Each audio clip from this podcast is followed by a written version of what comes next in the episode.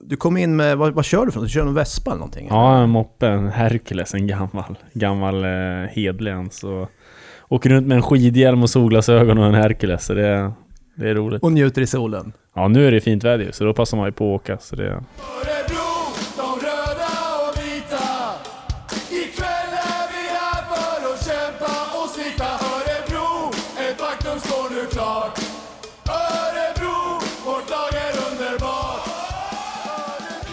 Ja, dagens gäst är skridskovirtuosen som öste in poäng för Örebro den gångna säsongen. Med en sjätteplats i poängligan och en delad sjundeplats i skytteligan kan vi utan överdrift konstatera att han var ett av vinterns stora utropstecken. Vår man för dagen fyller 26 senare i sommar, har klassiska Huddinge IK som moderklubb men hamnade sedermera på Hockeygym i Västerås. Där blev det också två A-lagssäsonger innan färden gick norrut till Haparanda och Asplöven. På det följde tre framgångsrika år i Mora där han bland annat var med och spelade upp laget i SHL.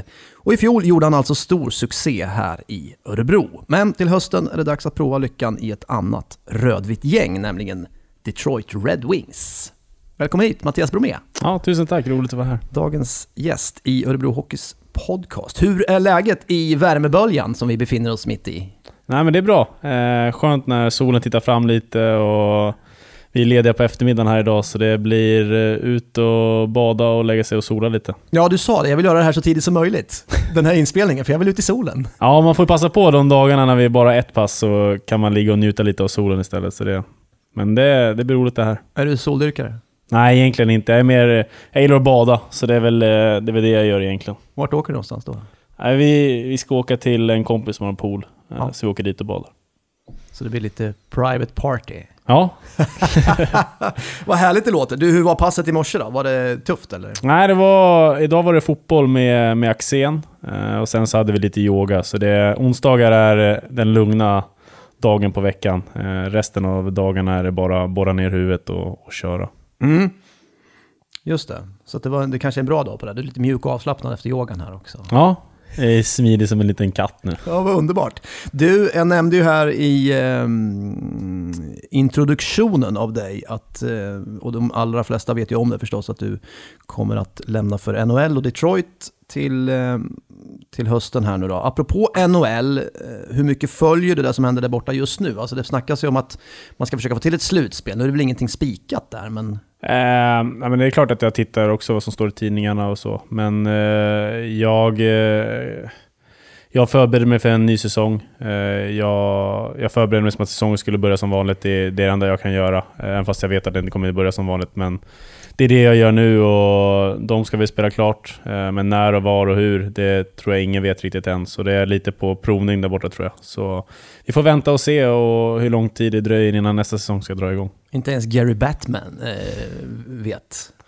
Nej, ingen tror jag vet egentligen. Eh, De försöker nog med alla medel som, som går för att kunna spela. Då. Det, det är mycket pengar som står på spel och mycket sånt som eh, hör in också, så det är klart att det, det är speciellt. Mm.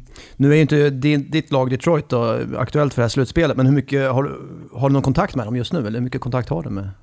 Eh, Kronvall, Niklas Kronvall brukar ringa lite då och då och kolla hur det går med träningen och så man sköter sig. Han är ska- på dig lite. Ja, nej, men han ringer och kollar och kollar så allting är bra med en och ska komma hit och hälsa på också. Eh, Så, men har kontakt med dem. Och, men det är inte så mycket man kan göra just nu, det är att förbereda sig för nästa säsong. Mm. Känns det lite osäkert? Du sa, själv att du tror ju att det kanske kommer att bli en senare säsongstart där borta. Ja, men det är klart att det är lite osäkert. Det, det är första gången jag ska flytta över på andra sidan också, så det är klart att det är lite speciellt eh, när jag inte vet heller när det blir eller någonting. Så eh, man, eh, man är ju så laddad för att åka över också, så det ska bli så jäkla roligt att göra det. Så, så kom det här och sen nu vet man inte riktigt vad som händer, så det är klart att det, det är en speciell situation, men det jag kan göra är att förbereda mig här hemma så mycket jag bara kan för att komma över dit och, och göra det så bra som möjligt. Känns det lite, vad ska man säga, bistert att varför ska det här komma just nu när du ska över och prova vingarna? Nej, är, man kan inte rå för saker som händer i världen och i livet. Så liksom. det, det händer och det händer, man kan inte göra så mycket. Det, det gäller att, att göra det bästa av situationen och, och bara blicka framåt och försöka träna så hårt det bara går här och, och göra sig redo då, som jag sagt innan. Det, det är det jag kan fokusera på, det jag kan göra. Eh, resten får jag lämna åt alla andra. Mm, ja. Jag vet inte om du, eh, du är kanske en yngre generation, men jag vet inte om du har sett Seinfeld någonting? Nej. nej. komediserien. Nej, jag tänker på en karaktär, det är George Costanza som är han, allt går emot honom i världen kan man säga. När han, när han ska få kontrakt med tv-bolag så då får han för sig att han är obotligt sjuk. Jag tänker på en liten sån grej, att nu, nu ska det äntligen smälla till och sen så... Nej, Så- nej. så- det är klart att det är, det är jättetråkigt det som händer i världen, och, men jag tycker ändå att det, det är större bekymmer med alla människor som, som mister livet Mm, i det här. såklart. Så det är klart att det, det är någonting som jag tycker är, är viktigare eh, än, eh, än det andra. Liksom. Det är ändå människors hälsa som går först tycker jag. Mm. Förstås. Eh, du tränar fortfarande med Örebro som du var inne på. Ni körde ett, ett lite lugnare pass, om vi nu ska säga lugnt, när det var eh, Alexander Axén är, är inblandad med fotbollen där. Men, men eh, hur är det då att, att ändå vara kvar och träna med grabbarna som du spelade med i vintras? Nej, men när det blev snack om NHL och när det väl blev klart så hade jag samtal med Niklas, Jörgen och Christer och, och fystränarna så vi, och även Niklas Johansson. Eh, vi pratade om, frågade, jag ställde frågan öppet om jag kunde få vara här och träna under sommaren och även gå på is. Och det var absolut inga bekymmer alls att göra det, så jag är väldigt tacksam över den, att jag får den möjligheten att vara kvar även i här i Örebro och träna. Eh, så det känns skönt att kunna träna med laget hela, hela sommaren här och även när, när säsongen ska dra igång sen på is, att jag får kliva på med Örebro. Så det, det är väldigt skönt skulle jag säga. Och du har ju, dels har ni ju, ni har ju flera fystränare, men jag tänker på Mattias Mattsson som kör ganska hårt med er. Och sen har du en egen PT också, va, som jag förstår, Mm. som också är, är Mattssons fru. Ja, det stämmer. Eh, Jag har kört med, med Linda då på vinnarspåret Mm. i det här är fjärde året. Tog tag i min träning ordentligt och kände att jag behövde någonting nytt och kon- kontakt med, med Mattsson då, eh, som hänvisade mig sen till Linda då. Så jag har kört med båda dem i, i fyra år och som har gett mig den utvecklingen som gör att jag sitter här idag. Eh, Så det är klart att det, det har en stor del i, det, i den utvecklingen jag har haft under min karriär här de senaste åren. Ja. Du känner att det verkligen är, det har lagt en grund för den spelaren du har utvecklats till. Ja men så är det. Det är klart att jag är större, starkare och, och snabbare och allting blir ju bättre liksom ju hårdare du tränar och det, det la jag ner maken till för fyra år sedan då, eh, rejält och det ger sin, eh, sin belöning nu. Mm. Är det vanligt det där med att bland er hockeyspelare att ni har personliga tränare också? Ja, Det är lite olika tror jag. Det är lite till hur man är själv som person och hur det funkar liksom. Men jag, jag tycker det är väldigt skönt att ha en, en tränare som pushar på en och, och driver en varje pass man har. Så det underlättar mycket i, i din egna utveckling. Jag brukar säga det, det är, det är en investering jag gör och, och jag betalar en PT för att kunna bli bättre. Så det, de pengarna jag lägger på det tycker jag det är värt varenda krona för det gör att jag blir en bättre hockeyspelare. Är det någon som har tyckt att du har varit märkvärdig för att du ska ha egen träning också? Nej, det tror jag inte. Det, jag tror att man förbereder sig olika på till varje säsong hur folk vill göra och jag, jag lägger de timmarna gärna på en PT som hjälper mig ordentligt. Jag tänker på ditt spelarnummer också, 86. Du är född 94. Ja, det stämmer. Hur blev det 86? Nej, men när jag var yngre så, så tittade man mycket på, på Linus Klasen och även Dick Axelsson och de här spelarna som var i Huddinge där jag själv är ifrån. Och sen fick jag, fick jag det numret när jag kom till Västerås och sen har jag hängt i och brorsan är även född 86 Ja, också. Så exakt. det, så det är inte så, egentligen inte så speciellt, men det var väl lite att man såg upp till de spelarna liksom när man var yngre. Så därför har det bara blivit det numret. Mm. Så 94 hade inte varit aktuellt? Nej, det hade man säkert kunnat haft också, men jag tyckte 86 passade rätt bra på mig. Ja, uppenbarligen. Här kommer 10 snabba.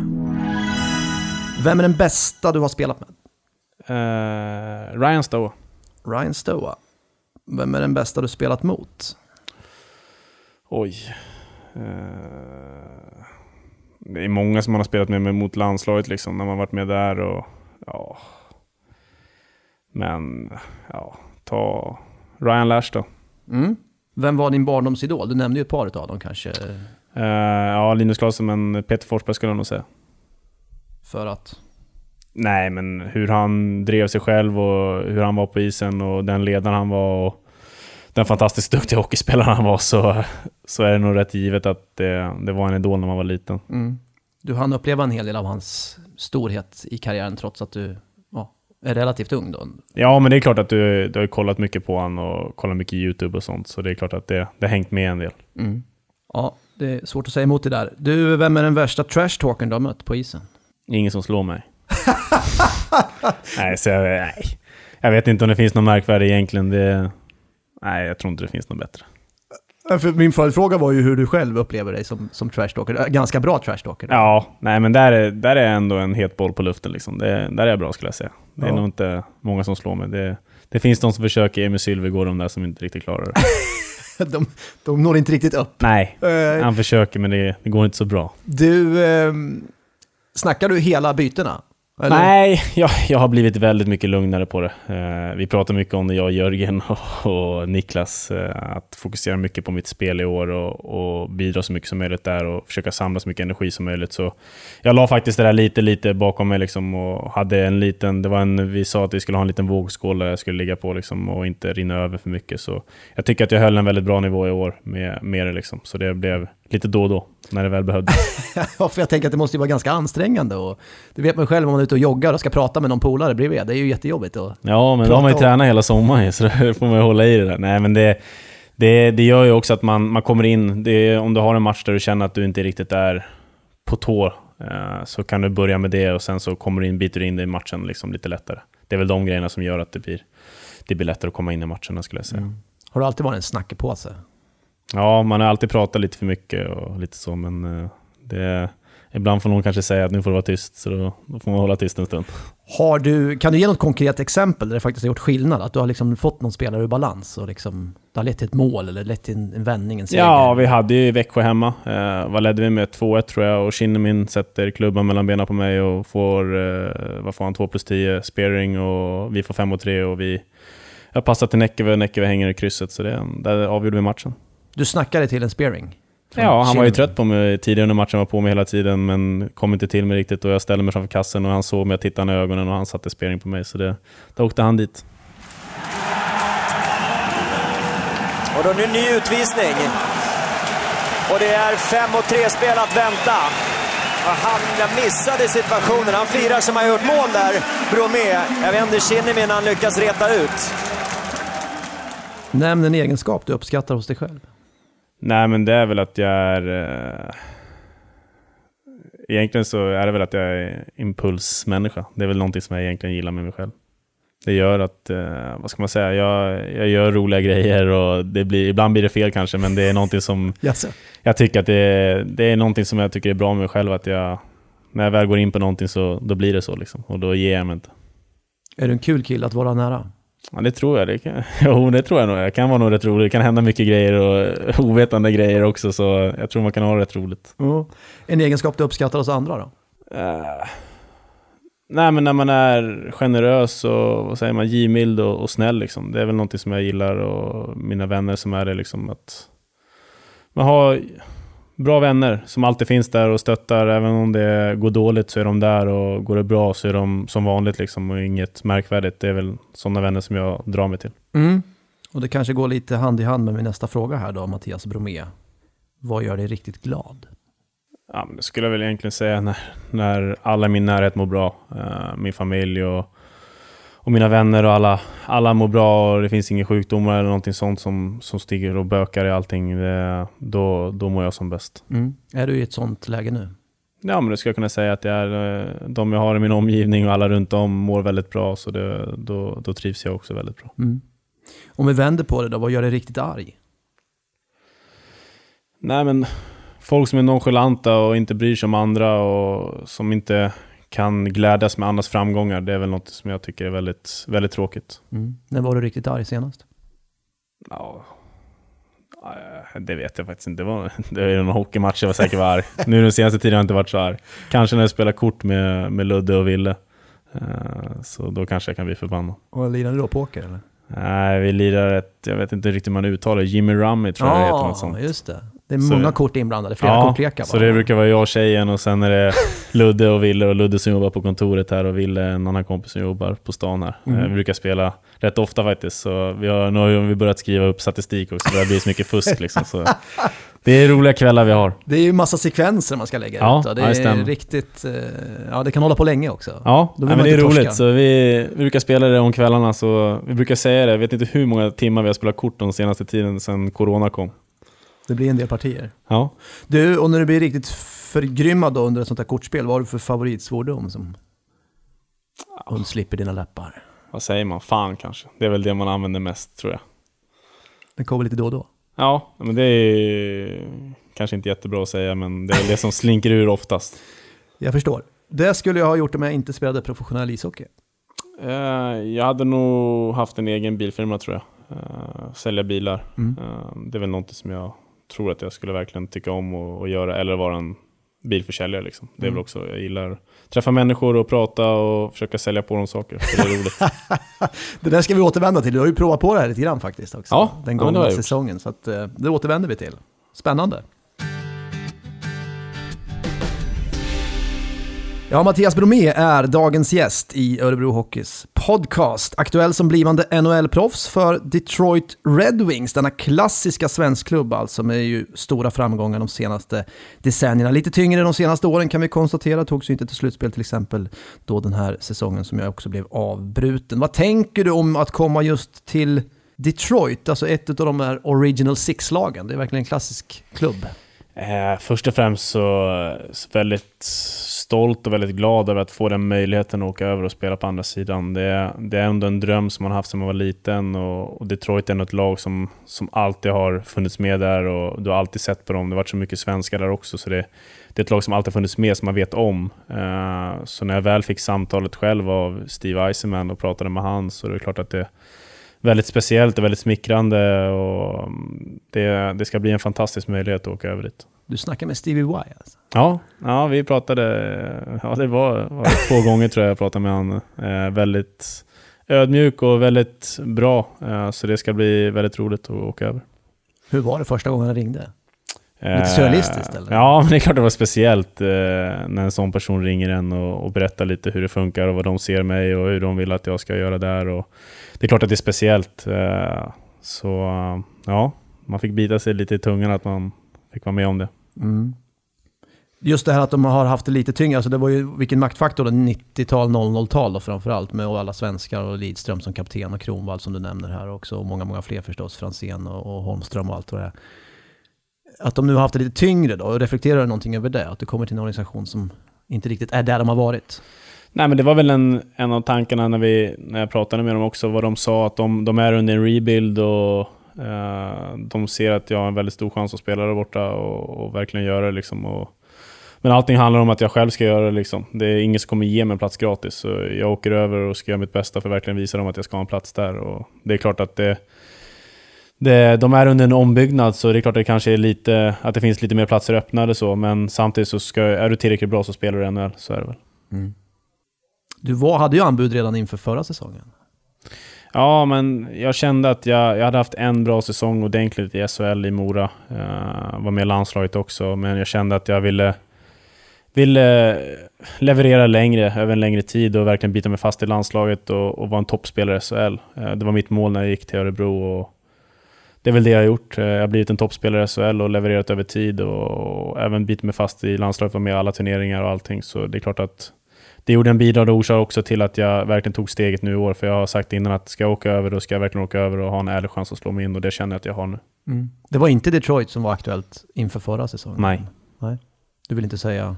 Nej men det var lite lag som var intresserade liksom. Ja. Det, och, och så var det. Men jag kände rätt tidigt ändå att jag, jag tror inte det är rätt för mig i den tiden jag är i karriären. Jag behövde ett år till hemma verkligen och, och visa folk att jag är tillräckligt bra för att spela där borta. Och det gjorde jag i år tycker jag. Det är en häftig resa. Du har aldrig blivit draftad Nej. av något lag? Nej, aldrig draftad, inte spelat någon TV-pucken, inga juniorlandskamper, inget sånt. Så jag är väl en liten late bloomer som man brukar säga. Ja, du ser dig som det?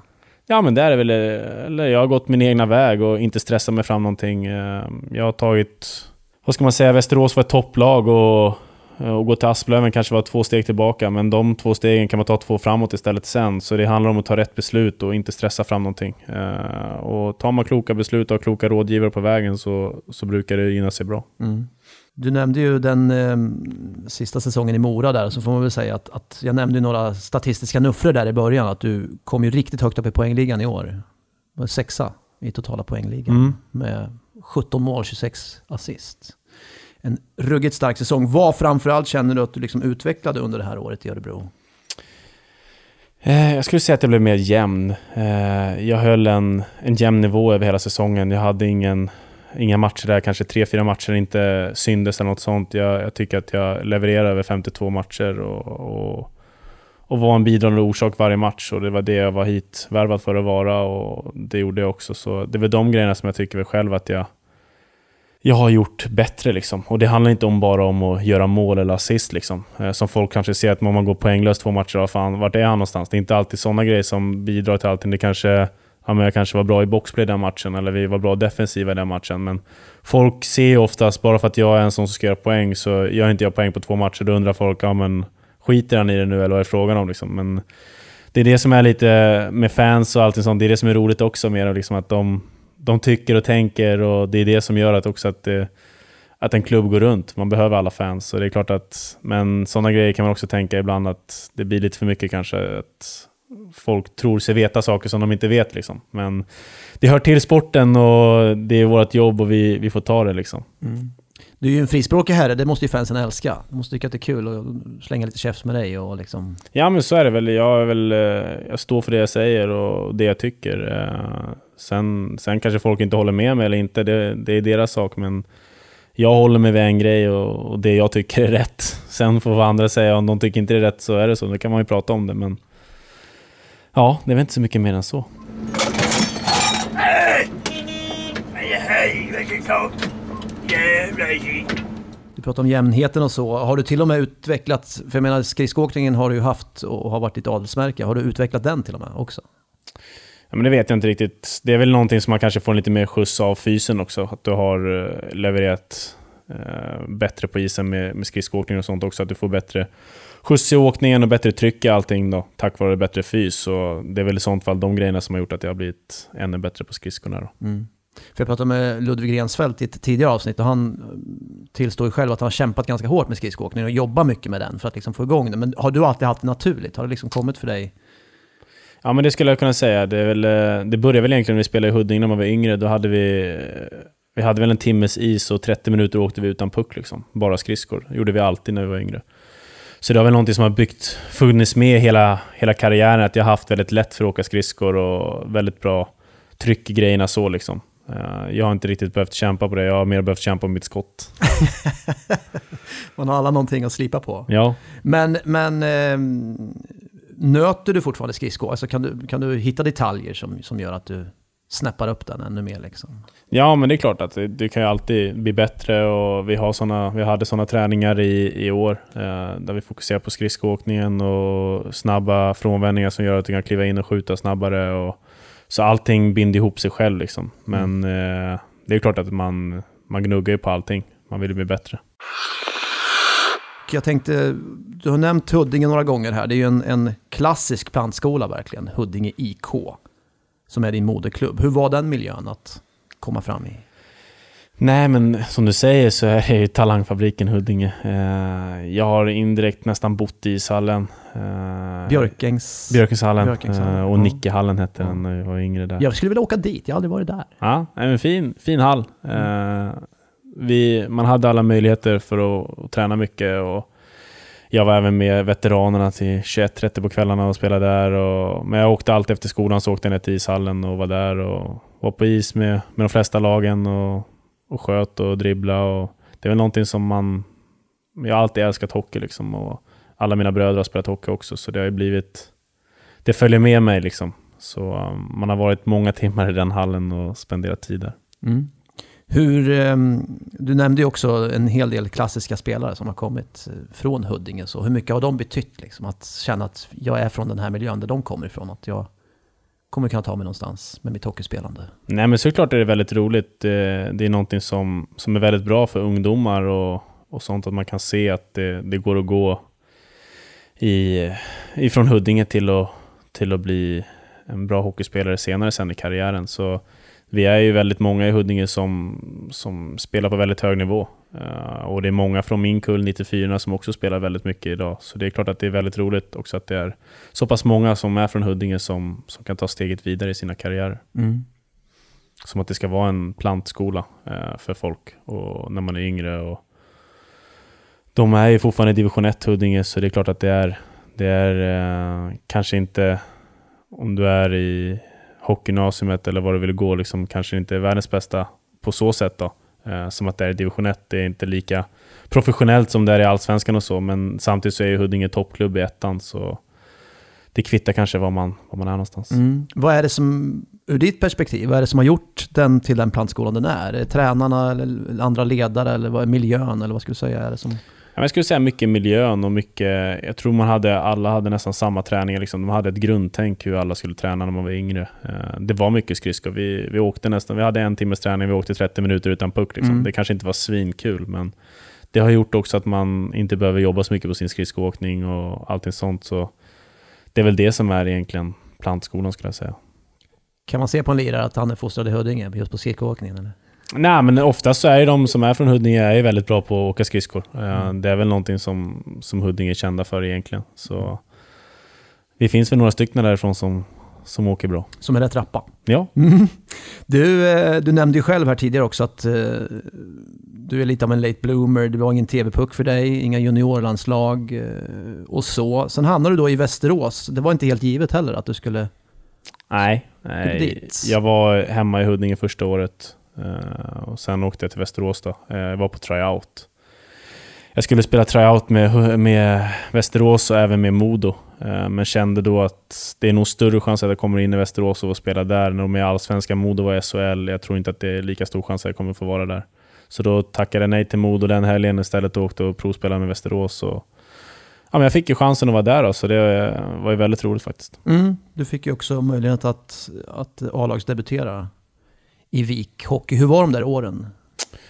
Eh, som junior där så, så var jag väl egentligen ingen märkvärdigt. Jag, jag levererade väl helt okej, liksom inget speciellt. Eh, till sista året i 20 Eh, Jonny, Jonny Sterner och Anders Sveden tog över och var tränare där i, i J20 då, som gjorde att jag fick en rejäl skjuts. Eh, de betydde väldigt mycket för mig och som gjorde att jag kunde ta de steg jag gjorde. Och sen så var jag inte ens given att komma upp i A-laget. Det var väl tre stycken eller två stycken före mig. Eh, Men till slut så kunde de inte hålla mig borta och då fick Niklas till slut ta upp mig dit. Då. Så det, det är väl någonting som är roligt egentligen som vi kan prata om idag, jag och Niklas. Hur det var på den tiden. Ja, Niklas Johansson, ja, numera sportchef i, i Örebro. Han var ju sportchef i Västerås. Och du har ju varit med i den här podden tidigare och ställt en fråga till just Niklas. Ja, Om hans dyra hus i... ja han har det dyraste huset i Arboga. Du är fortfarande övertygad om det? Jajamän, Ja. jajamän. Trots att han svarade nekande på den Ja. frågan.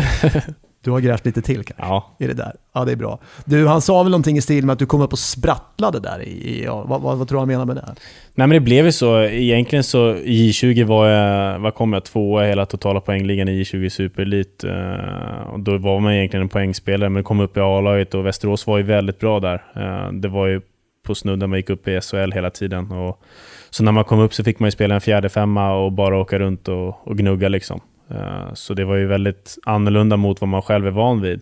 Eh, så det blev ju lite mer att man han fick döda lite grejer och få ut pucken bara och sen åka och byta. Liksom. Så det Mm. blev ju, man trampade ju nästan vatten, gjorde man ju i sin karriär där tycker jag. Eh, jag. Jag utvecklades nästan ingenting och det var ju också därför jag lämnade med ett år kvar på kontraktet Ja. till Asplöv. Just det, du hamnade långt upp i norr, slutet på ja, E- E4, Haparanda. Mm.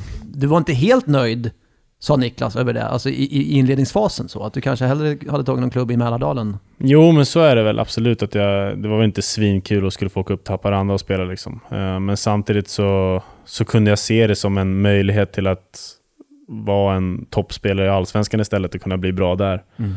Eh, Så då tog Kente mig upp dit och, och ja, vad ska man säga, han gjorde så att jag fick spela mycket och gav mig många chanser som gjorde också att jag kunde vara en ledande spelare. Um, så det var jag väldigt, väldigt glad över att han tog mig dit när jag stod och stampade vatten i Västerås. Vad var det du vände dig mot först? Var det avståndet hem till nära och kära? Var det mörkret på vintern? Eller vad var det du, du såg framför dig som kändes besvärligt med att åka upp till?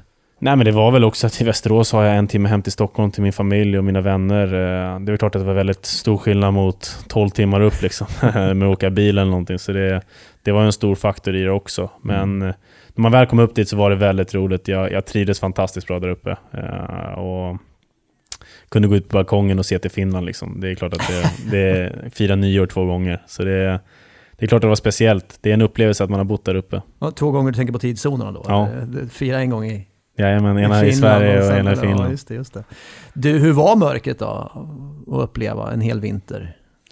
Eh, Väldigt annorlunda. Det var, det var mörkt när du gick till träningen och det var mörkt när du gick hem. Så eh, man såg nästan aldrig ljuset. Det bästa var att du inte behövde dra ner rullgardinen när du skulle sova. Liksom. Det, Det behövde du inte oroa dig nej, för. så det var alltid mörkt. Men eh, vi hade det väldigt bra. Vi var borta väldigt mycket också. Vi, vi spelade väl kanske två, tre matcher borta en vecka och sen var vi hemma en vecka. Mm. Så, och vi hade det väldigt bra med flyg och, och så. Det enda sega var väl att man hade två timmar till, till Luleå då.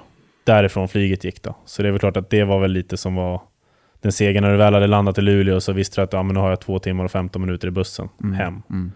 Eh, Men annars så, vi hade det bra tycker jag. Ja. Kan det nästan bli en bubbla i det där? Att, att det finns inte så mycket att göra, alltså det är mörkt och det är, kanske är kallt och så vidare. Så det blir, ba, det blir bara hockey i princip. Ja men så är det. Det är klart att det finns inte jättemycket att göra där. Du har Ikea som du kan gå på och, och käka lunch varje dag eller åka över till Finland och käka lunch då. Ja. Men sen fick du ju prova på mycket roliga grejer. Du kunde åka vatt, eller inte vattenskoter, snöskoter liksom och, och sådana grejer. Så det är klart att du fick vara med om något annat. Och um, det är väldigt tacksam över att jag fick den möjligheten att vara där uppe. Mm. Och det blev ett bra hockeymässigt år. Alltså jag tänker, nu tittar vi på poäng så här som du snackar Mm. om, att man gör, men det är klart att man gör det och det blev, det blev framgångsrikt. Ja men så är det. Eh, Det var väl en helt okej säsong för mig personligen faktiskt. Eh, Men sen Du så... tripplade poängskörden tror jag, Ja. ut, från, från eh, sista Västeråsåret. Ja, nej men det är klart att det blev lite annorlunda och man fick spela mycket och man fick eh, vara en bidragande orsak där uppe. Sen tyvärr så slutade det som det gjorde. Eh, men Ni ramlade ur där. ja. ja, men eh, jag tar med mig väldigt mycket från den tiden där uppe. Det var, var lärorikt att se också hur en förening måste gå runt när det är så pass liten som det var. Liksom, när du har Kent som både var tränare och sportchef står och lagar mat till oss liksom, när vi ska åka på bortamatcher. Då får du ett annat perspektiv på sakerna. Och du tar inte allting för givet som du hade i Västerås. Där hade du allting. och det var två heltidsmaterialare som var anställda och du hade klubb, alltså de hade, vad är det, hur många säljare man hade på kontoret liksom och kommer upp till Appis där, där sitter Kente liksom och ringer runt också. Så det är klart att du får en annan perspektiv på saker i livet. Precis. Pojkar, vi ska ha perspektiv nu. Ska vi säga några ord om Per Kent? Denna Nestor har han ju blivit någonstans. Han tog alltså upp Haparanda mot alla, eller Asplöven då, från Haparanda mot alla odds i Allsvenskan. Sen sticker han till Oskarshamn och tar upp dem mot alla odds i SHL. Och sen hade han förmodligen gjort samma sak med Björklöven om inte Mm. den här förbaskade coronan hade kommit och stoppat säsongen. Det såg ju väldigt bra, bra ut för Löven. Vad är hans storhet, Per Kent? Vad är det liksom som han... Han verkar ju ha matjord i alla fickor och... Mm, pojken med guldbyxorna. Nej men han är, han är väldigt ärlig och ödmjuk. Eh, som när han, när han vill ha en spelare så, så är det inte att han lindar in och säger att du ska spela powerplay och du ska göra det där eh, om du inte ska göra det. Liksom. Eh, då säger han att du kommer hit och du slåss om en plats. Sen om du är en sån spelare som, som är ditvärvad för att spela powerplay, då säger han du är här för att spela powerplay, du kommer kunna spela dig ur powerplay. Eller du kommer göra så. Liksom. Han är väldigt tydlig och rak och sen är han ju Sen bygger han ju laget väldigt bra liksom. Han är ju så snål också så det...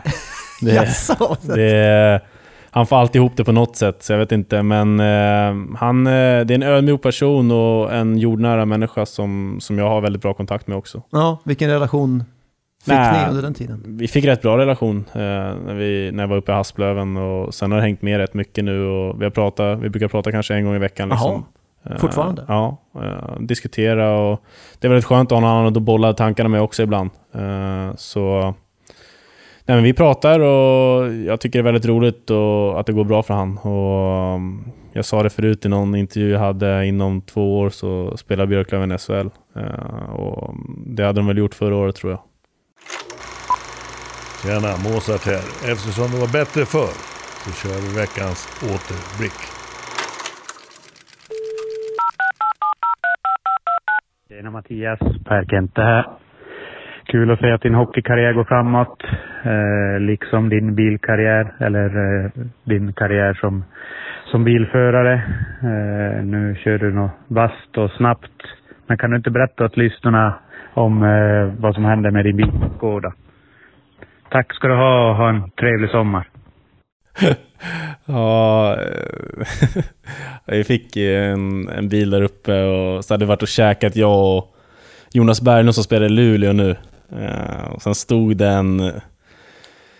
en, stolpe på parkeringen som jag, jag vet inte hur jag kunde missa den. Så jag åkte rakt över stolpen och den bara fall och sen så bara fortsatte jag att köra. Sen stannade jag en lite längre bit bort där och det, jag förstod inte ens vad som hade hänt liksom. Det, Men det blev lite, lite skador på bilen liksom. Det, den stod verkligen, alltså det är en stolpe som, alltså man kan inte åka in i den egentligen. Men jag åkte in i den. Jag, jag, jag förstår egentligen än idag inte hur det gick till, så det var, det var lite roligt faktiskt. Det hade jag nästan glömt bort. Vad hände? Vad, vad var det för material i stolpen undrar man ju då. För... Ja men alltså det var nog, jag vet inte om det riktigt stod på, om jag kom upp på kanten eller hur det var. Det var, det var väl en sån här sten, stengrej, det var väl inte en sten, vad säger man, som en stenmur? Fundament? Ja, men liksom. typ. Ja, ja. Men lite lättare sån liksom, så Ja. den välte ju. Okej. Så den fick, du fick inte in den i bilen? Nej, nej, nej. Så den faller ju rakt fram och jag åkte rakt över. För jag blev- tänkte, vad fan var det som hände? Så jag körde ju bara rakt över den.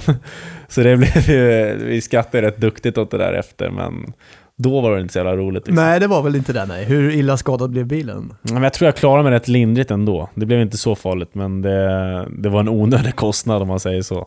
Den stod mitt på parkeringen, du ska inte kunna åka in. Det var liksom det enda obstacle som fanns på, Ja. på parkeringen. ja, det det lyckades kunna, du. ja. Men vad fan håller han på med nu? Va? Men har du kvaddat fler bilar? Nej, det, det är det enda jag har gjort. Jag har åkt av vägen har jag gjort en gång också, men Jaha. det var ju, var ju halt då, så då snurrade jag lite. Åkte ner i diket, fick jag i en 20 till bonden som kunde dra upp mig så jag kunde åka vidare till, till träningen. Det var nog historiens billigaste bärgning. Ja, han, var, jag hade, han ville ha mer pengar men jag hade bara en 20 i bilen så han fick den 20 så Hade du lärt dig, var det efter Per Kente-tiden så du hade lärt dig lite om att hålla i... Nej, det var innan. Det var innan, Det var du innan. hade lärt dig redan innan. Ja. Och hålla i slantarna. fick man lära sig i Huddinge också kanske. Ja. Du, ehm, men motorintresset, det snackar vi lite grann, berörde det också. Det finns ett väldigt stort sådant. Eller i alla fall ett bilintresse. Ja, men det är väl klart att jag, jag alltid haft intresse av bilar som går fort och, och gillar den adrenalinen och trycka på gasen. Det är väl det, är väl det jag egentligen kan säga att jag, jag har haft hela min uppväxt egentligen, att jag tycker om bilar. Var det det och inte halkan som vi ska skylla på egentligen? När det där inträffade? Ja men det var halkan. Det, det var, det var, det var ju, då hade jag en gammal Golf så det var inget tryck i den. Alltså, det Så- var inte det? Nej, så det var, det var en, det var halt. Vart var det någonstans? Eh, från Linde till Västerås emellan där i Frövi, när du kommer över viadukten Mhm. Ja, så, så är det en liten högersväng och där Mm. tryckte jag på lite för mycket med gasen och åkte rakt ner i diket. Men bilen klarade sig ganska bra. du nej, klarade det ganska bra. Ja, men jag kunde åka därifrån när jag fick hjälp av bonden Ja, upp bara. ja. Så det var ju rätt lugnt ändå. Det är skönt med bönder det. Ja, de kan man som, lita på. Som kan, eh, som kan hjälpa till. Men du, eh, han nämnde ju där också Kent att du, du, för det var en Skoda du kraschade va? Ja, Där uppe i Haparanda. Nu kör du Porsche. ja. Hans mamma tog över den bilen så det var lite roligt. det är därför han har koll på den än. ja, idag åker jag en eh, Porsche 911. Mm. Ehm, En klassiker. Ja, men rolig bil. Eh, liten och smidig så det är, eh, det är roligt. Ja, vad är det som är så roligt då? Du gillar fart säger du? Ja, men det är klart att det är, det är farten som man vill åt och hästkrafterna liksom. Så det, det är väl en, det är en rolig sportbil, en rolig sommarbil. Ja, nu har vi ju ganska mycket hastighetsbegränsningar i det här landet. Har det hänt någon gång att du har liksom åkt dit? Aldrig fått en fortkörningsböter. Du menar det ja? Jajamän. ja nu knackar vi det, här. det är liksom tradition att knacka i det här vita studiobordet. Ja. Eh, men har du, provat, har du varit på bana och så och kört? ja, när jag jobbade på Porsche fick jag åka en gång Mm. till, eh, till Karlskoga där då. Eh, så vi åkte på banan. Gellerås? Ja, så heter det. Eh, det var roligt faktiskt. Eh, lite annorlunda och man fick lära sig hur man skulle... Om det kom upp ett hinder på vägen, hur du lär dig bromsa och styra undan bilen och sådana Häva grejer. sladdar? Ja, men lite sådana grejer. Så det var väldigt lärorikt och väldigt intressant faktiskt. Ja. Så fick man ju gasa lite på banan, så det var roligt också. Ja, då fick du avreagera lite grann istället för på allmänna vägar. Ja. Så. Men du, eftersom du kör, eh, du kör moped slash vespa nu då, hur mycket kör du Porschen? Eh, nej men jag kör den rätt mycket faktiskt. Eh, men till träningarna så är det fint väder så brukar jag ta moppen faktiskt. Det är rätt skönt att, att åka den. Det är, det är smidigt också så det är bara att gå ner i, till cykelförrådet och hämta ut den och åka liksom. Så det, slipper man leta parkering eller någonting. Du har cykelstället utanför som du kan parkera den vid. Så. Underbart. Du, eh, du pratade ju också om, eh, ja, men apropå det här med, eh, med att vara bilförsäljare. Det provade du ju på nu i vintras. Det var ju där du sa att du förmodligen hade varit om du inte hade varit proffshockeyspelare. Så. Vad, hur var det att jobba på en bilförsäljning? Eh, det var väldigt speciellt att jobba på Porsche som att det är en, en bil, bilhandel som är, eh, ska man säga, det är inte in-ut-försäljning hela tiden. Liksom. Det, är, det är ändå så pass mycket pengar som ligger i så det är ingen bil som någon går bara går och köper. Eh, oftast har de funderat väldigt länge på att köpa en sån bil eller det är en 50-årspresent, 60-årspresent eller vad det är. Ehm, så jag fick sitta med under processerna när de diskuterade, när de byggde bilarna. Och sen blev det väldigt mycket, vi spelade mycket också, så det blev ju liksom, jag var där kanske tre gånger i veckan. Ehm, som gjorde också att jag missade mycket av slutförhandlingarna och hur det gick till. Och, men jag tycker ändå att det var lärorikt. Jag fick lite mer på kött på benen som gjorde också att man vet vad det krävs för att jobba där och jag tyckte det var väldigt roligt. Mm. Just Porsche är ett märke du skulle vilja fortsätta med om du, om du, du nämnde att det kanske kan, kan bli framöver om, efter karriären och så vidare. Ja men absolut. Eh, Det var väldigt roligt och Mattias som är VD där var väldigt, väldigt snäll och väldigt hjälpsam mot mig också. Så, så det är klart att det är någonting som är roligt. Eh, Min, min egna dröm skulle vara att ha en egen bilhall istället. Det hade Ja. varit det roligaste. Just det. Det, det är en dröm. Ja, men det är klart att det skulle vara, det skulle vara otroligt roligt att, att få sälja bilar själv liksom, på en egen, där det är ens egen garage där man säljer dem. Liksom. Så det är klart att det är någonting som skulle vara roligt. Men du, så fick jag lite nys om en Audi R8 här också som inte blev så långlivad. Ja, eh, jag åkte ner och, och kollade på den och, och köpte den då. Och sen så köpte den på torsdagen tror jag det var kanske, eller onsdagen. Mm. Eh, Åkte ner vart? eh, i Vara Jaha. var jag. Eh, åkte ner, eh, tittade på den och hittade ingenting liksom, som var något konstigt och, och jag köpte den. eh, eller det roligaste var att vi, vi var nere, sen så, så, så sa jag ett pris till honom och så sa han nej men det tar jag inte. Och sen, men då sa jag nej då åker jag hem. Så då åkte vi hem igen och sen kom jag hem på kvällen, eller på eftermiddagen så skickade jag till honom du, nu får du det här sista priset, sen, sen skiter jag i det. Och då, då sa han ja men du får den. Så då, då fick jag och eh, tjejens syrras kille, vi åkte tåget ner på kvällen igen då. Jaha. då. Så var- samma dag? Ja, samma dag. Så vi åkte ner samma dag igen, eh, köpte bilen och så hade jag den och, och sen på helgen så började det bli elfel inne i bilen och det började blinka och stolarna slutade fungera. Och, och då tog de tillbaka bilen, gjorde de. Så det blev inget minusaffär för mig riktigt så heller. Så det var, men det var tråkigt. Det var en väldigt rolig bil att köra. Ja. Eh, Det, det är nog en av de roligaste bilarna jag har kört faktiskt. Men här kommer den där impulsiviteten in. Ja, men det skulle jag kunna säga att det är. Det, är väl, eh, det var väl en sån grej också som kom in, men det blev ju roligt också. Jag har ju roligt med de här bilarna. Ett Har- tag i alla fall. Har du någon ehm, drömbil? Nej, alltså... Ja, det är väl klart att jag skulle vilja ha en eh, Lamborghini liksom, eller en Ferrari. Det är väl två bilar som är väldigt roliga att köra. Men eh, egentligen inte. Eh, jag har sagt att det här är sista sommaren jag ska ha någon rolig bil så här. Sen, Mhm. får, det, sen får det räcka faktiskt. Det, Jaså? Man behöver... Du fyller 26 här senare. Ja, man blir äldre eh, och klokare.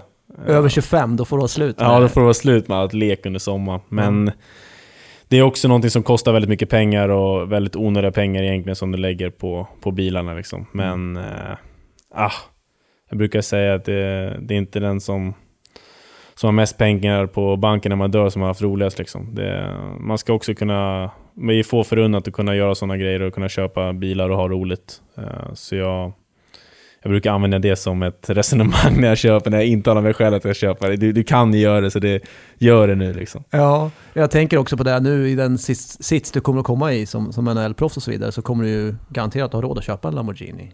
Eller en Ferrari om du skulle vilja, eller kanske både och. Ja, men jag har sagt att eh, först och främst när jag väl skulle tjäna stora pengar så skulle jag trygga min framtid och, och allting sånt. Eh, det är det viktigaste. Och sen om du har någonting kvar så över det liksom, så kan du göra något roligt. Men allting handlar ju också om att kunna spela så högt upp som möjligt och, och kunna tjäna de pengarna som gör att du, du kanske inte behöver tänka så mycket efter din karriär. Um, så det är väl det man skulle göra först, inte åka och handla en sån bil. Nej. Men reflekterar du, det behöver ju inte bara innebära dyra bilköp eller så, men reflekterar du ändå över att det, det blir ändå en ganska stor förändring så, just den ekonomiska biten? Ja, men det är klart att det blir ekonomiskt skillnad. Eh, men vad ska man säga? Det, du kan inte köpa pengar. Glädje får du inte bara av pengar liksom. Eh, men det underlättar mycket i livet, gör det. Eh, så det är väl klart att det, det blir en stor skillnad. Men samtidigt så jag måste slå mig in också i NHL för att tjäna pengar. Så på så sätt så, så är det också en morot till att verkligen leverera så man blir kvar där borta.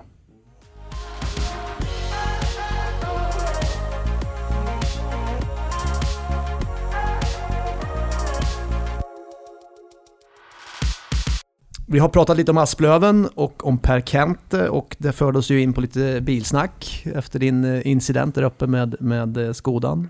Som var det Kentes mamma som tog över den? Så. Ja, Efteråt. hon, hon fick bilen. Den rullar efter. än idag eller? Ja, det tror jag. De ska väl byta in den nu tror jag. Senast jag pratade med honom sa han att det, det gick, deras leasinggrej gick ut på den nu, så det, det är väl då de ska byta in den igen. Mm. Sen vart det Mora då, efter den eh, sessionen uppe i Haparanda. Två, två klassiska kvalserier mot, mot Leksand, Mm. får man säga. Där en var positiv och en lite mindre, eller mycket Ja, mindre. tre, tre, Tre, ja just det, det var tre på raken Ja, tre där. på raken. Första året Två- gick vi upp Ja. och så andra året höll vi kvar, så just åkte det. var tre, tre gånger, ja. Mm. Otroligt. Ehm, hur, var, hur var det då? Om vi börjar med, ska vi börja med kvalserierna? För det var ju det är väldigt speciellt då med de här Siljanslagen och... och Eh, Eh, första året eh, hade vi ett lag som kanske folk inte trodde att vi skulle gå upp och vi var kanske inte förhandsfavoriter. och Många sa att vi skulle ligga i botten, kanske komma till topp 8 då, liksom. knappt det. Eh, men vi fick en bra grund och vi hade väldigt bra tränare under den tiden. Och vi byggde ett, byggde ett lag som gjorde också att vi, vi var så bra som vi var. Eh, så det var ett väldigt roligt år. Och det som är när du kommer in och ska spela de här bästa av sju matcherna är att du som allsvensk lag har allting att vinna. Eh, och SHL-lagen har allting att förlora. Ehm, och det gick vi på väldigt mycket första året. Eh, det ruset som vi hade och det var ju fantastiskt att vi fick avgöra hemma och gå upp i SHL där. Det, det är ett minne som, som sitter i hela ditt liv. Mm. Du gör ju en, en eh, om vi snackar om att du ökar på ditt poäng, Gör han det ganska rejält från Västerås till Asplöven så, så trycker du på än mycket mer då i Mora, kommer dit. Och, och från, från en redan hög nivå så tar du ytterligare ett kliv känns det som. Ja men det var ju, om man går tillbaka till Västerås-tiden var det att jag behövde ta några steg tillbaka för att kunna ta dem framåt. Och då tog jag de eh, två, tre stegen baken och gick till, eh, till Asplöven så jag kunde ta ett eller två steg framåt den gången och gå till Mora liksom. Eh, Mora var ingen toppklubb och inget speciellt på det sättet. Eh, men Mora är en, en förening som värnar om människor och värnar om personer. Och det är en klubb som lägger mig Är det väldigt Simonsandan som... Ja men det är en familjekänsla Mm, liksom. Det är inte att någon är större än någon annan där liksom. Alla är, alla är som en familj och den, den tryggheten gör också att du, du trivs fantastiskt bra där uppe. Och ja, mina tre år där är någonting som, som alltid finns med mig liksom. Det, Mora betyder väldigt mycket för mig och att vi fick avsluta på det sättet som jag gjorde där är ju, det sitter igen idag liksom att det blev som det blev. Att ni åkte ur där. Mm. Det känns. Ja, men det är klart att det känns. Det, det är, jag var ändå med från början nästan och, och tog upp Mora SHL och fick vara kvar i SHL och sen sista året då när vi åkte ur så är det klart att det var en, det var en tung tid i, i din karriär. Ehm, så det blev väldigt, väldigt speciellt slut för den. Mm. Du verkar ju ha en väldig klubbkänsla vart än du hamnar. Alltså du går verkligen in för att vara där och nu. Du, är- du är inte någon legoknäckt på det viset känns det som. Utan du, bland annat minns man ju intervjun med dig efter när ni åker ur där, som var väldigt känslosam och, och med mycket tårar och så. Och Asplöven likadant pratar du väldigt gott om. eh, Och, och Västerås och så också. Det känns som att du, du lever mycket i nuet. Du är här och nu. Du är Ja, fortfarande, är det det. känns som att du är Örebro fortfarande mer än Detroit liksom. Ja men alltså jag är väldigt, jag tycker ändå att det är, man går till föreningar och, och det är klubbar som, som har sina fans och alla sponsorer och alla runt om som, som ger sitt, sitt liv till en förening och då tycker jag som spelare att du, du ska, det minsta du kan göra är att, att lägga all din kraft på den, den klubben du är i. Och det har jag alltid gjort sen, till alla klubbar jag gått till och, och jag har försökt att vara en, en genuin människa mot föreningarna jag varit i och varit ärlig och, och rak och hur det än har blivit liksom. Så med Mora med den intervjun som var där efter, eh, kommer väl ihåg den, vi, vi satt inne i omklädningsrummet och det var ingen som gick ut och, och tog intervjun liksom.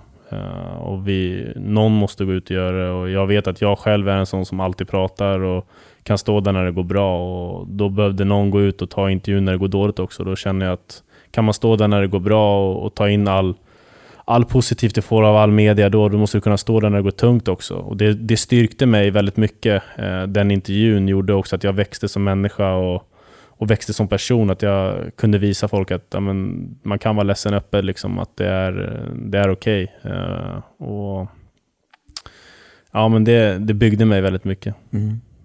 det där värmer ju ett, ett gammalt journalisthjärta kan jag säga. För det är ju det absolut värsta man nästan vet är ju att, som du säger, man är alltid med i medgång och pratar men man ställer inte upp då när, när det blåser emot. De, de, de bästa, de som man älskar mest som, som intervjupersoner är ju de som när de tar de svåra intervjuerna, då vill man ju mycket hellre intervjua dem sen också, när det går bra. Man vill ju gärna att det ska gå bra för den spelaren. Ja, men så är det ju. Det, det hör ju till idrotten att du, du ska kunna stå när det går bra och du ska kunna stå när det går dåligt.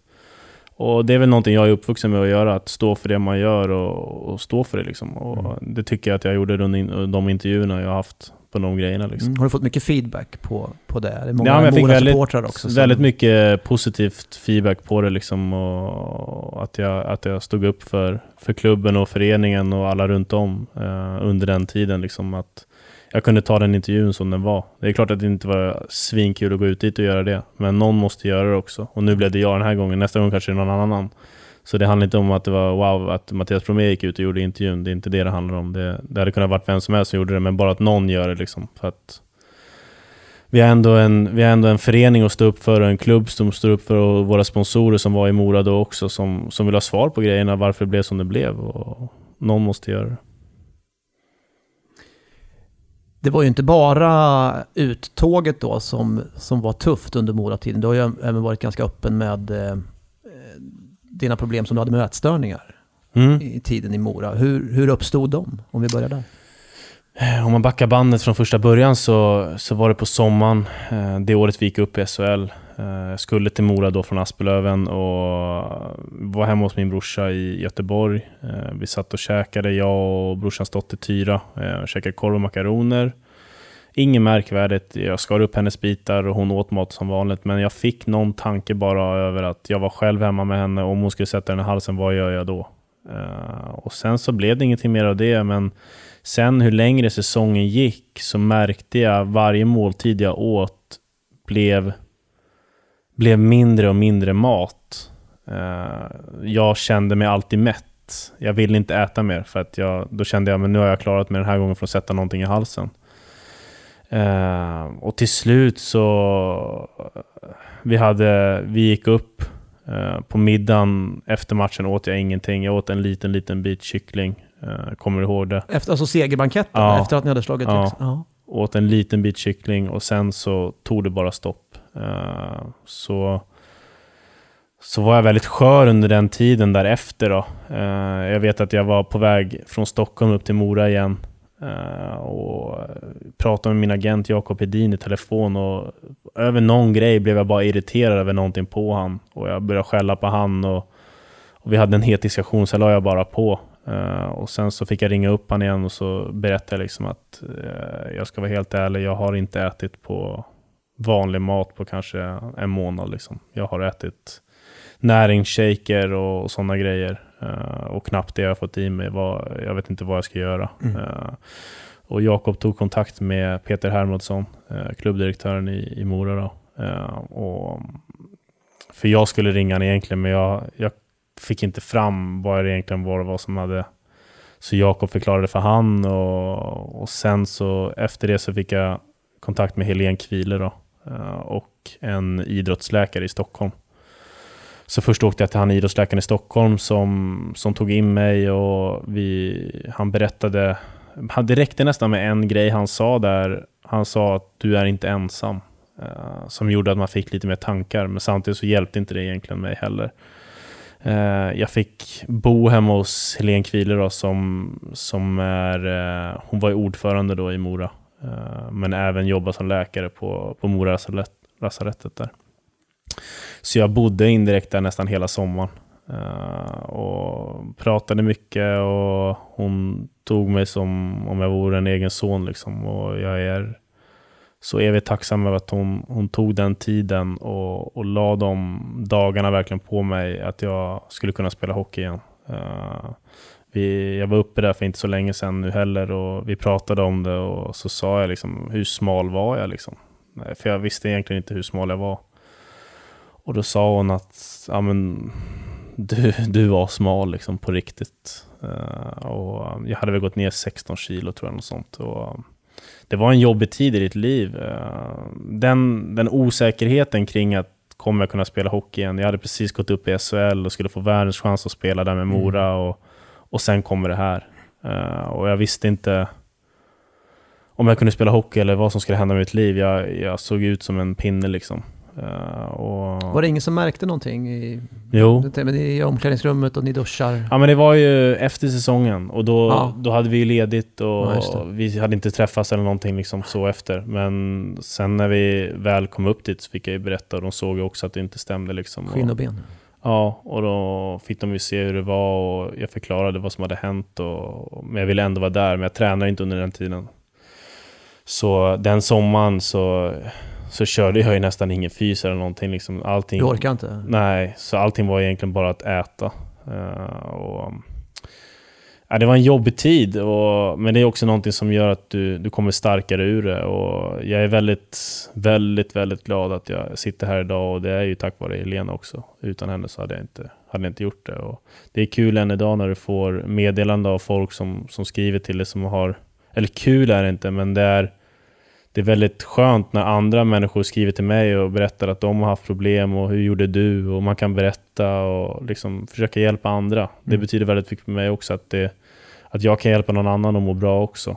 Eh, så, men det var en, en tid i livet som, som var väldigt jobbig, men jag kommer starkare ur det. Men än idag har jag också brottats lite med sådana problem. Så, men jag vet hur jag ska hantera dem bättre idag. Och, och Helene finns alltid där för mig och stöttar mig. Och, men framförallt så är det ju Mora IK som verkligen också som, som hjälpte mig ordentligt också. Att inte bara skita i mig eller någonting. Liksom. De, de gav mig verkligen den hjälpen jag behövde. Och det var Helene och jag är evigt tacksam till henne. Vad var det, kan du sätta fingret på exakt vad det var som gjorde att du ändå kunde komma ur problematiken? Alltså fick Ehm. du liksom börja äta försiktigt igen och på något Mm, sätt liksom det- vän, vänja dig? Ja, men det blev lite så. Sen så blev det mycket, de lagade mat och sen så satt vi och käkade och så pratade man och då blev det lite mer mat. Och började mycket med typ så här barnmat liksom, som barn äter. Eller alltså som ja, men småbarn nästan Mm. äter. Köttbullar och makaroner typ, Ja. eller spagetti köttfärssås. Eh, och sådana grejer. Men sen så, jag tror mycket hjälpte tryggheten av att både hon och Lennart är läkare. Som gjorde att det var en trygghet för mig att vara där och äta. Jag vet, sätter jag någonting i min hals så vet de vad de ska göra och de får ut det direkt. Mm. Den tryggheten tror jag gjorde också att det blev väldigt, det blev lättare för mig. Men sen så hade jag ju, jag kanske gick en vecka bra och sen gick det tre veckor dåliga. Så det blev ju, och som idrottsman så är du ju så tävlingsinriktad och du tror att det ska försvinna på en dag. Men vad har det gått? Det har gått tre år och det har inte försvunnit än helt för mig. Men jag kan leva med det. Och jag vet att ja, men funkar det inte för mig idag att äta det där, men då, ja, men då tar jag någonting annat. För det vet jag att jag kan äta idag. Men det handlar ju också om att jag... Nu vågar jag på ett helt annat sätt i livet. Och det gjorde inte jag då. Men det är ju också att du lär dig att, att leva med det. Mm. Men du menar du har lite Absolut. efterdyningar av det här? Ja, absolut. Jag, jag äter inte en ren köttbit. Nej. För det, det... Jag har börjat äta lite fläskytterfilé. Har jag provat på grillen och har ätit det. Men det är fortfarande... Direkt jag äter de grejerna blir det en tanke. Men äter jag spagetti och köttfärssås har jag ingen sån tanke. Så det är, alltså det är läskigt egentligen när man tänker på hur stark hjärnan är. Och det låter helt sjukt. Jag tänker fråga var, var det kommer ifrån?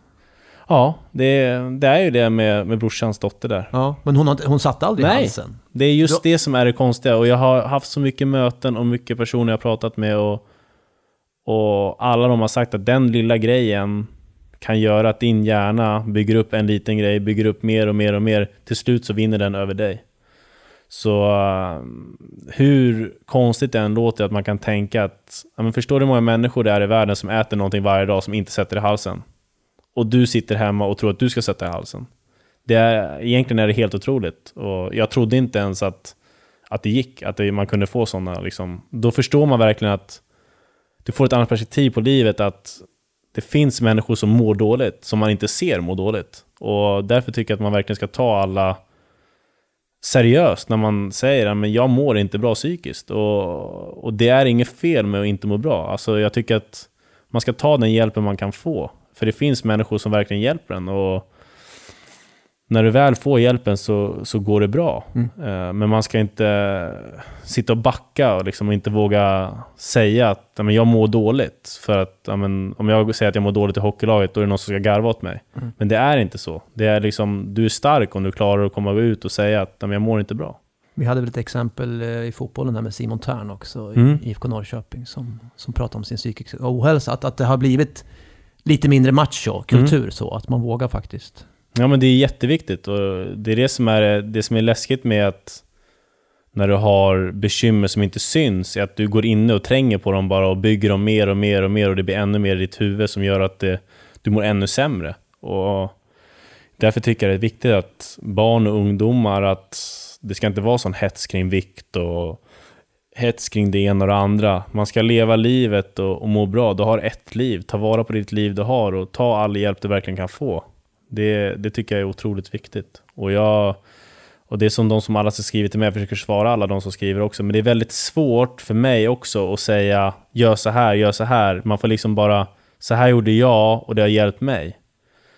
Sen kan inte jag garantera att det är någon annan som kan göra så, men kan jag hjälpa om det är tio som skriver till mig jag kan hjälpa fem, så är jag väldigt glad för det. Men jag önskar också att de andra fem, alla som skriver, liksom ska må bra. Det är det som är för jag vet själv hur dåligt man mår när man är i den situationen. Jag låg liksom hemma i sängen och skakade när vi, morsan och farsan, det var precis i början när jag mådde dåligt, så skulle vi äta hemma klyftpotatis och en köttbit. Och bara jag såg den köttbiten på stekpannan gjorde att jag gick in i sängen och la mig och grina och började skaka. För att jag var så rädd bara för att äta den. Så det är, hur man än vrider och vänder på det så är det så konstigt. Och det, men det är någonting som har gjort mig starkare också.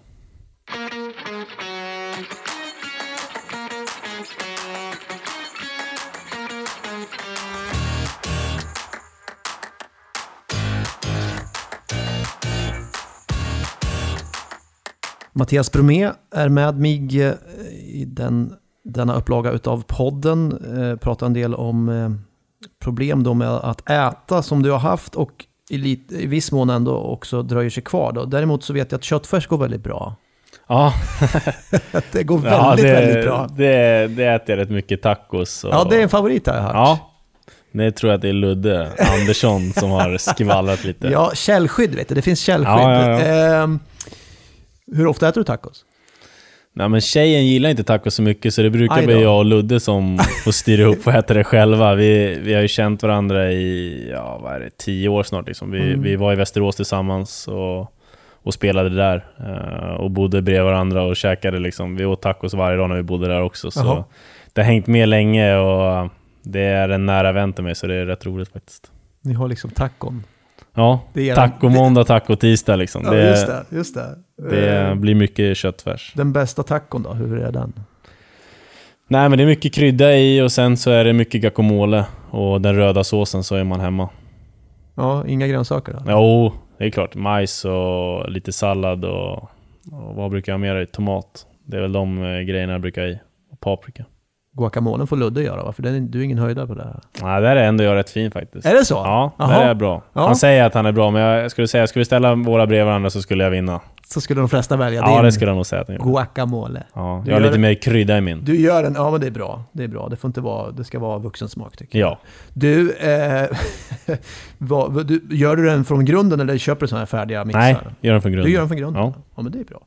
Du, eh, och sen så har jag förstått det som att du hjälper till lite på, på restaurang här också. På fjärde våningen heter det va? Eller? Ja. Du, du, liksom, du är inte rädd för det heller, att hugga i och liksom... Ja, men det, är, det finns inte så mycket ställen eh, nu när det är rätt nära. Vi, vi är på hallen så går man till fjärde våningen och käkar och Jonas som är där som äger det, han, han är så stissig vet du, så ibland så nu får du hjälpa till att plocka någon matlåda här och då får man stå och hjälpa till och plocka lite matlådor. Och, men det är ju roligt också och det är uppskattat. Det kommer förbi folk där som känner igen en också och pratar hockey och sådana grejer. Och det är väl säkert bra för hans rykte fjärde våningen att jag, att jag är där lite också. Så det, men det är bra mat så det borde man prova. Och du eh, rekommenderar Mattias Bromé. Och du får ju snacka med folk också då, som du gillar. Mm. Så- ja, jag gillar, råkar gilla att prata med folk. Så du står och chitchattar lite grann Ja, i, man får ha lite bollar i luften och det kommer lite fotbollsspelare och, och sådana grejer, så det är Mm. roligt. ja. Kul! Du snackar ju om taco här också och när det är sånt här väder så, så tycker jag att det är alldeles fantastiskt att ha då en, en, en riktigt kall, god öl som står där bredvid tacon och så, men det, det är ingenting för dig det? Nej, eh, jag har väl jag har aldrig druckit och jag har smakat absolut, men jag har aldrig varit full och aldrig varit onykter eller någonting sånt. Jag har smakat en sipp öl eller någon sån här sipp cider. Och, men absolut ingenting för mig och jag har aldrig fastnat för det. Eh, men däremot så är det inget konstigt för mig om det är någon som dricker liksom. Alltså, jag har bara valt den vägen i mitt liv och, och jag trivs väldigt bra med det, med det också. Så då kan man stå för allting man gör och slipper vara onykter och så. Inga, inga svarta luckor och sådana saker? Nej, inga sådana grejer. Jag vet alltid vad jag gör och det, Mm. det tycker väl jag är rätt skönt. Ja. Finns, det lite, finns det en lite kontrollmänniska i dig någonstans ändå, trots din impulsivitet? Jag tänker dels på det här med, du, du, det känns ju lite som en kontrollgrej också, det här med att sätta i halsen och så. Mm. Finns det någon liten... Jo, men jag är... eh, Jag har koll på, på det mesta liksom. Ja. I mitt... Jag är väldigt... Jag kan inte låta tjejen ha koll på räkningar eller sådana grejer. Jag, jag ska ha koll på allt sånt. Och, så det... Jo, det, jag är en kontrollmänniska så. Du är det alltså? Ja. Jag får inte riktigt ihop de två bilderna, men den impulsive Mattias Bromé och den lite kontroll... Nej men det är, jag vet inte, alltså kontroll sådär, jag, jag kan inte släppa någonting annat till någon annan sådär liksom. Jag, jag vet att jag måste göra det själv nästan liksom, för att det ska bli bäst. Så är väl jag.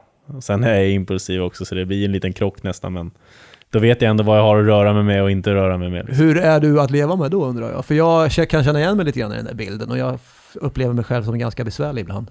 Ja men det kan jag nog vara. För har jag väl bestämt mig och sagt att ja, men nu ska jag köpa den här bilen då, då spelar det ingen roll vad någon säger till mig.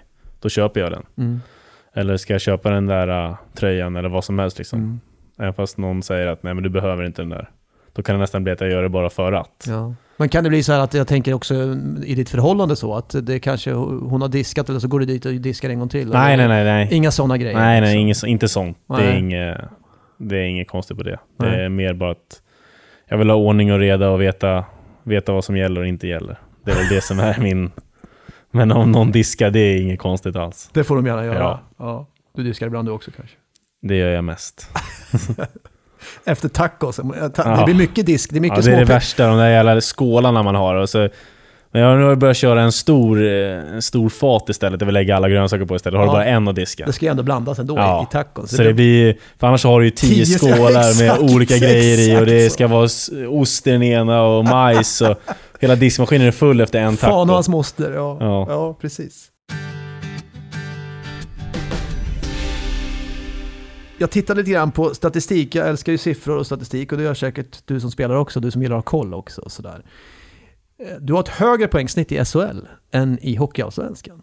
Mhm. Det kan ju inte vara, det kan inte vara jättevanligt känner jag någonstans. Ja, Det har jag inte ens tänkt på faktiskt. Ja. Ja. Ska vi ta fram de exakta siffrorna? Vill du ha dem eller? Eller? jag tror jag i SHL så jag ville göra 100 poäng i SHL, jag hamnade på 99. Just det! Det är lite frustrerande. Allsvenskan vet jag faktiskt inte hur mycket jag har gjort där. Eh, 94. Ja. Plus lite slutspelspoäng och så också. Då. Men du har alltså 0,49 snittar du i Allsvenskan och 0,63 poäng per match i SHL. ja, det skulle kunna vara också att de första åren i Västerås så, så spelar jag liksom Ja. inte på det sättet som jag gjorde de andra åren Nej, just det. i Allsvenskan. Eh, Men, det är lite häftigt ändå Ja, ha ett men det är högre klart att det är snitt roligt bättre att- liga. Det är klart att det är roligt att man har bättre snitt i, i SHL istället för Allsvenskan. Liksom, I en bättre liga, bättre spelare, så är det väl en bra siffra att visa att du kan leverera där. Mm. Och det känns ju verkligen som att kurvan har ju den har gått ganska brant uppåt och fortsatt ungefär i den riktningen. Du har, fått, alltså du har gjort bättre och bättre säsonger hela tiden. Ja, men det handlar ju också om att ta kloka val och göra rätt beslut för det och inte gå någonstans som inte folk tror på en ordentligt. Och bara för att det är den klubben är den klubben. Liksom. Det, det handlar om att du ska gå på magkänslan, vad som känns bra och vad du kan få bäst skjuts i din karriär och utvecklas mest. Liksom. Och di, din känsla var då när du åkte ut där efter tre år i Mora med om att du skulle utvecklas bäst i Örebro.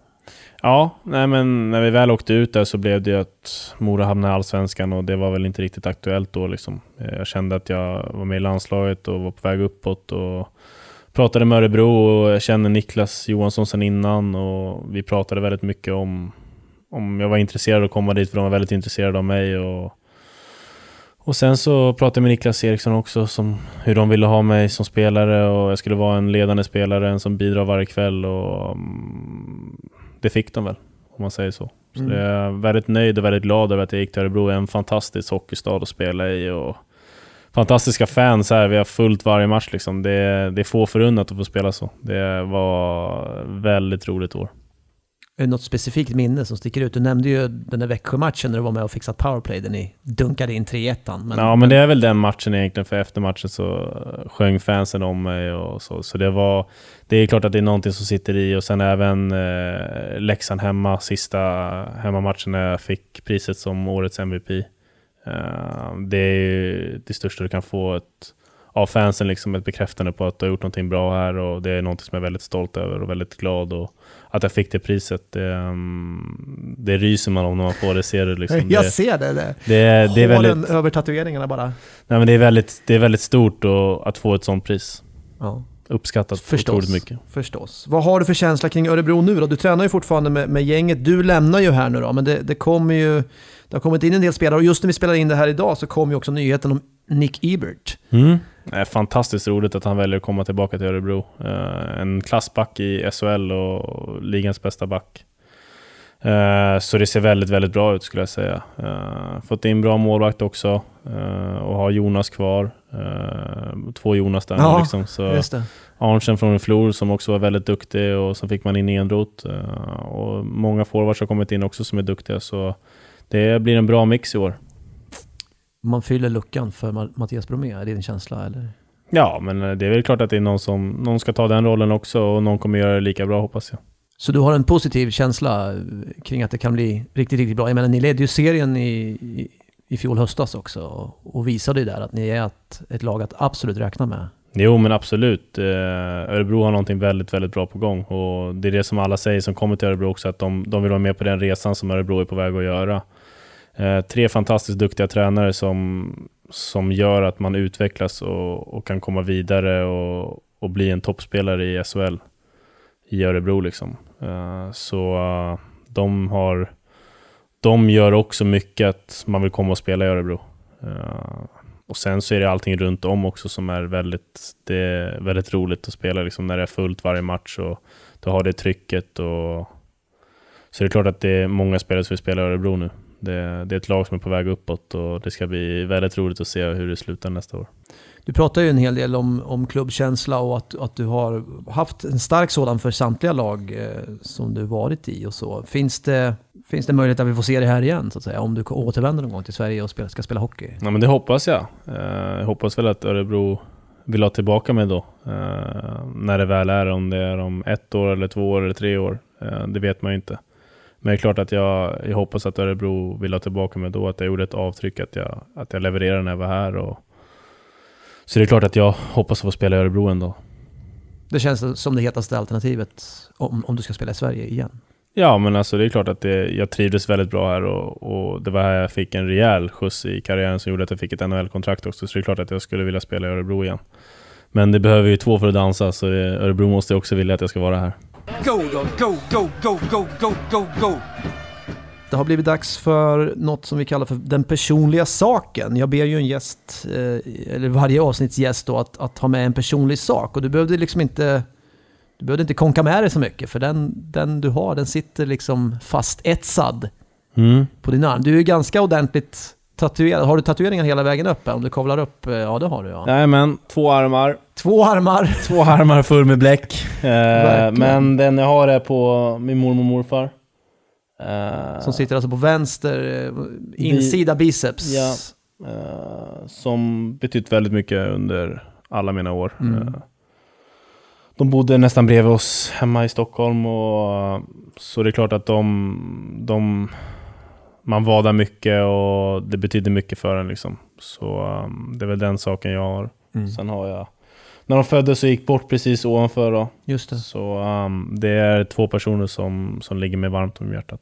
Kan du hålla upp, om du orkar hålla upp armen? Det är en väldigt kärleksfull bild. Ja, På de det- två där också. Om man tittar på bilden, hur den ser ut i verkligheten, så är den, jag skulle kunna säga att den är identisk. Alltså Ja. den är så bra gjord faktiskt. Det Mm. är. Så jag brukar, om någon frågar så här så får de se den verkliga bilden så då tror de nästan att den är bara påklistrad liksom. Mm. Den är så pass bra gjort den där. Uh, Vad heter de? Eller vad heter de? Ann-Marie och eh, Arnold. Ann-Marie och Arnold. ja. Vad, vad, vad betyder de och vad har de betytt för dig? Eh, väldigt mycket. Det, är, det är ens mormor och morfar liksom. Det, det var dit du gick om det var någonting hemma och du inte orkade vara där liksom. Då gick du till mormor och morfar och, och fick vara där istället. Så eh, det är klart att de har betytt väldigt, väldigt mycket för mig. Och, mm, det var tuffa tider när de lämnade liksom. Mm. Det är det är ändå två personer som, som har betytt mycket i sitt liv. Liksom. Och det tråkigaste är ju att mormor inte, och morfar inte får veta hur man är idag och vad, hur man har kommit med en hockeykarriär. Eh, mormor var med under tiden när jag var i Asplöven. Eh, halva den tiden i Asplöven var hon med. Mm. Så hon fick bara vara med på början av resan. Liksom. Var hon upp någon gång till Haparanda? Nej. Nej. Men de var hockey, båda ho ho hockeyintresserade och, och... Nej, jag skulle nog säga nej men det var de väl egentligen inte. De, men de, de gillade när det gick bra för en själv liksom. Och mormor hade ju alltid sina tankar om alla tränare som när man inte fick spela så mycket, att de inte var så bra och du ska inte vara där. Och, Mm. och, och hon tyckte det var roligt att vara uppe i Haparanda. Och, och att jag fick påbörja den resan där och få spela ordentligt mycket och, och så. Så hon var med en stund där i alla fall. Men sen blev det som det blev så um, fantastiskt tråkigt. Och jag kommer väl ihåg, vi, vi, vi hade en, sån här en, en match uppe i, i Luleå då. Eh, De, man spelade en gång på säsongen då. Och efter matchen så ringde jag pappa och mamma som vanligt och, och då fick jag veta att hon hade gått bort. Och, men då hjälpte mig Asplöven väldigt mycket också. De, de satte mig på första flyget hem till Stockholm och jag fick åka hem och, och vara där lite och sen så flög de upp mig igen. Så där var ju Kent också väldigt snäll och, och sa att du kommer när du kommer. Och, så det är någonting som man är väldigt tacksam över också. Att det, allting är inte bara hockey hela tiden. Där kommer man ju tillbaka till med, med maten också. Att Mm. allting handlar inte bara om hockey. Det är, man har ett liv utanför den bubblan liksom. Så man får förstå om, om man mår dåligt.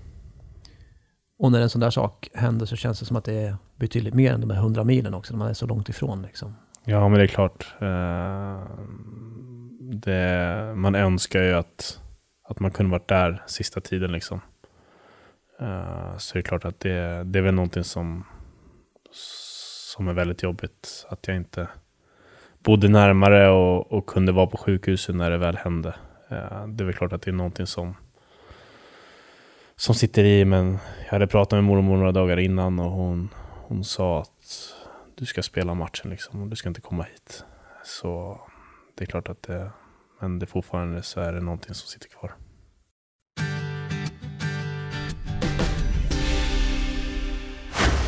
Vem där, vem där, vem där, vem där? Vem är det som är där?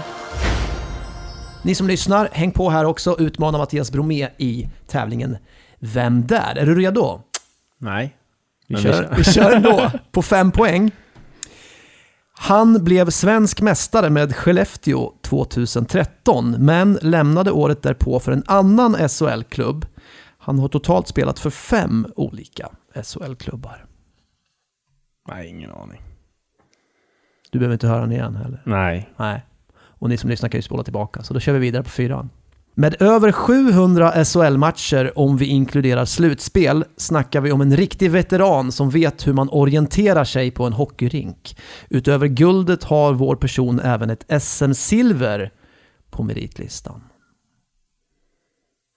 Det ryckte till lite grann i, i pennfingrarna där hos Bromé. Nej, ja. Ska vi, trampa, Spelar han idag eller? ska vi trampa på? Ja. Trean. Tre poäng. Vem där? Hur går det för er hemma? Kämpa på. Förutom Skellefteå har denna backklippa även spelat för bland annat Timrå och Färjestad, men det är en annan klubb som han är starkast förknippad med. Du är riktigt dålig faktiskt. Ta den här igen. Förutom Skellefteå har denne backklippa även spelat för bland annat Timrå och Färjestad, men det är en annan klubb som han är starkast förknippad med. Pennan är liksom så tre centimeter ovanför pappret. Alltså är det... Shh, Du får inte säga högt heller, för Nej, jag funderar på om han har spelat där. Ja, men eh, å andra sidan, Niklas Johansson fick ju noll och ni har ju lite beef med varandra. Så att eh, om bara tar Nej, en poäng ta- så är det bättre än Niklas. Men jag tror ju att det är den här, men jag ska inte... Nähä, du gissar... Nej, ja, inget du får inte fuska. Nej, men jag, ska, jag tror att det är det där, men vi tar en till. Vi tar en till. Och två poäng. Han var med om att spela upp Mora i SHL redan 2004. Dessvärre åkte han ur med laget tillsammans med dig här om året. Fan. Yes, yes. På en poäng, denne vedklyvare har även spelat två säsonger för Örebro i mitten av 10-talet och har du inte tagit det nu så får du nu dra till... Punkt, punkt, punkt, punkt, punkt. Åh, trött jag blir. ja, men det är väl härligt. Vem var det här nu då? Thomas Skogs. Du får dra till Skogs. Jag var lite vitsig där tänkte jag. Åh, trött jag blir. Thomas Skogs. Du Jag tänkte först att det var han, men sen så blev jag osäker för jag tänkte att inte han något silver. Var har han det någonstans? Skellefteå också. 12. 2012. Åh, Förlora Brynäs mot Brynäs. Det borde jag ha hört så många gånger jag sover med han. Till nu blir jag ja. trött alltså. Ja. Hoppas han lyssnar på det här. Kommer han höra av sig till dig. En, ni hade ingen suck med sin abborre eller vad han skulle Nej, visa. gös. Ja, Yes. Det, var det är det viktigaste. Två poäng. Hur gick det för er där hemma? Jag tänker att jag var lite skojig där. Jag sa orienterar på fyran och sen vedklivare. Jag tänker inte på att han gjorde mycket slashing utan lite med skogen. Då. Det kliver man ved och så får man dra till skogs. Det var ju roligt. Han var ju i- här i Örebro som sagt var några säsonger också. Men du, två poäng. Inte bra. Eh, det är ju i alla fall bättre än noll. Ja, men. Ludde hade fyra ju. Eh, ja, det hade han och jag tror att Kåberg hade tre eller sånt där. Så, men det är fortfarande en väldigt ung tävling. Men du är, du är liksom, ja, två poäng. Mattias Bromé. Ja, det var inte bra alltså. Du är missnöjd. Du skulle ha sagt sarg ut eller någonting, då hade jag gissat att det var han. Men du, ni, det var bortamatcher på hotell och så, då bodde Ja, i ni... början, men sen, eller ja, det var i förturneringar och lite så. Mm. Eh, och sen så hade jag eget rum till slut för att jag har svårt att sova när någon som snarkar och han Han snackar mycket. ja, snarkar lite. Det är skogs bara. Nej, men vi hade roligt också. Det är en, en härlig prick. Eh, så det var roligt att spela med honom. Ja. Vad, hur var det på träningarna? Var han eh, lätt att runda eller var det problem att ta sig förbi? Skogs har ju aldrig haft fel i hela sitt liv eller någonting liksom. Så det, det är en... Han, han står där han ska vara och så flyttar han sig inte liksom. Det är så? Ja, nej, det, är en, det är en rolig kille faktiskt. Ja. Kul. Har ni någon kontakt? Ja, nej, men det har vi. Vi, brukar prata, vi har pratat lite då och då liksom. Mm. Och, um, han brukar säga att det är han, tack vare han som jag har skrivit på ett NHL-kontrakt. Jaha, han körde hårt med dig. Du fick liksom Ja. öka accelerationen för att ta dig förbi honom. Ja, han säger att det är han som har gjort att jag har börjat med allting bra. Ödmjukt. Ja. Ödmjuk inställning till livet. Thomas Ja. Skogs var rätt. Hur gick det för er där hemma som var med och tävlade? Spöade ni Bromé, eller hur gick det? Eh, två poäng för Mattias. Eh, hör av er i sociala medier vet jag, så får vi igång lite mera bass kring den här Vem Där-tävlingen. Det var lite kul att tävla, du gillar att tävla. Ja, men jag är ruggigt besviken faktiskt. För hade du sagt att han vann SM-guld och sen att han har spelat i Örebro Ja. på första, Ja, då men- hade jag tagit honom. Men så lätt får vi inte göra. Nej. Det- Så kan vi inte ha det. Du får ta igen det på gin rummin sen. Ja, jag får göra det. Får vi- spöa Ludde ikväll. Jag får spöa honom där. Mattias Bromé, stort tack Ja, tusen tack själv. för att du kom hit och var med i podden. Och jättelycka till nu också. Ja, tack så I hemskt det mycket. framtida hockeyäventyret i The Original Six-laget, Detroit Red Wings. Mm. Nej, men tack. Ja. När pratar du med Stevie Y nästa gång? Ja, du det vet jag inte. Det blir när du kommer över kanske. Ja, kanske. Ja.